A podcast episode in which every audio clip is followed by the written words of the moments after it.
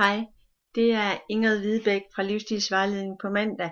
Jeg fortsætter med det emne, som jeg startede på i sidste mandag, som handler om, hvordan du udnytter din personlighed bedst muligt på vejen til dit ønskede mål om en varig livsstilsændring. Lydfilen i dag bygger på blogindlægget, som hedder Mange muligheder eller stram planlægning. Hvordan er du? Har du det bedst med at have mange muligheder, eller har du det bedst med stram planlægning? Jeg flyttede i sidste uge. Vi har fået et dejligt lille hus.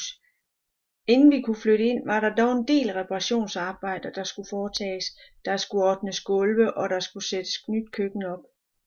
I den forbindelse opdagede jeg, jeg der ellers elsker at have mange muligheder, at jeg blev tvunget ind i en rolle som den, der er opretholder af en stram planlægning. Håndværkerne var i hvert fald ude af stand til både at koordinere med hinanden og overholde de aftaler, de lavede. Ret skal dog være ret. Køkkenmontørerne kom før tiden og blev færdige som lovet, men ellers så var det noget blandet fornøjelse. Jeg var nødt til at være den, der tog mig af den stramme planlægning, selvom det er imod min natur. Jeg elsker muligheder. Vi er aldrig kun det ene eller det andet. Som min beretning illustrerer, så er vi ikke kun det ene eller det andet. Vi har en tilgang, som vi foretrækker at gøre brug af i de fleste tilfælde, men vi er også i stand til at fravælge vores favoritreaktion, hvis omstændighederne kræver det. Jeg har sagt det før, og jeg siger det igen. Du skal selvfølgelig respektere din natur i den fremgangsmåde, du vælger. Der er dog nogle faldgrupper, som det er godt at være opmærksom på, og som jeg vil prøve at uddybe her. Mange muligheder. For mange muligheder kan være lige med spredt fægtning uden resultat. Det vil sige, at du ikke helt kan bestemme dig for, hvilken plan du vil følge, fordi du udelukkende fokuserer på målet, nemlig vægttab. Det nytter ikke noget kun at have øjnene på målet og helt glemme planen.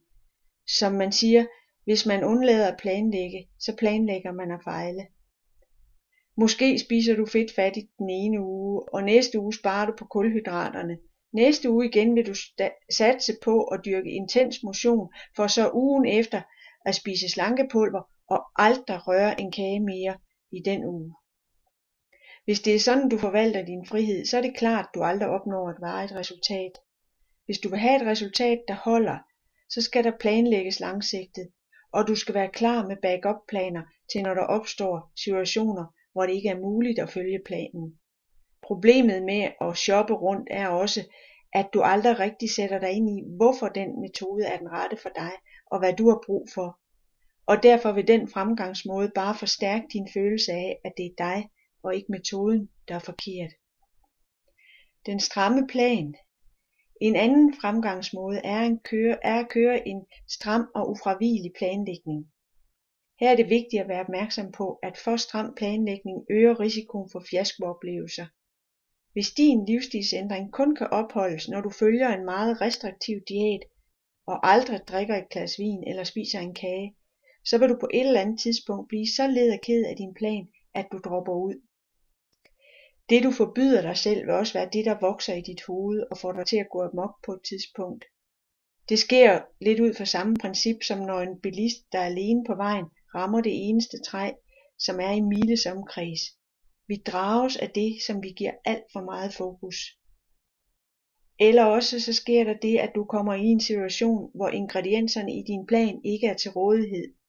Du kan ikke improvisere, og du har ingen brugbare alternativer, og derfor vil du som oftest give op.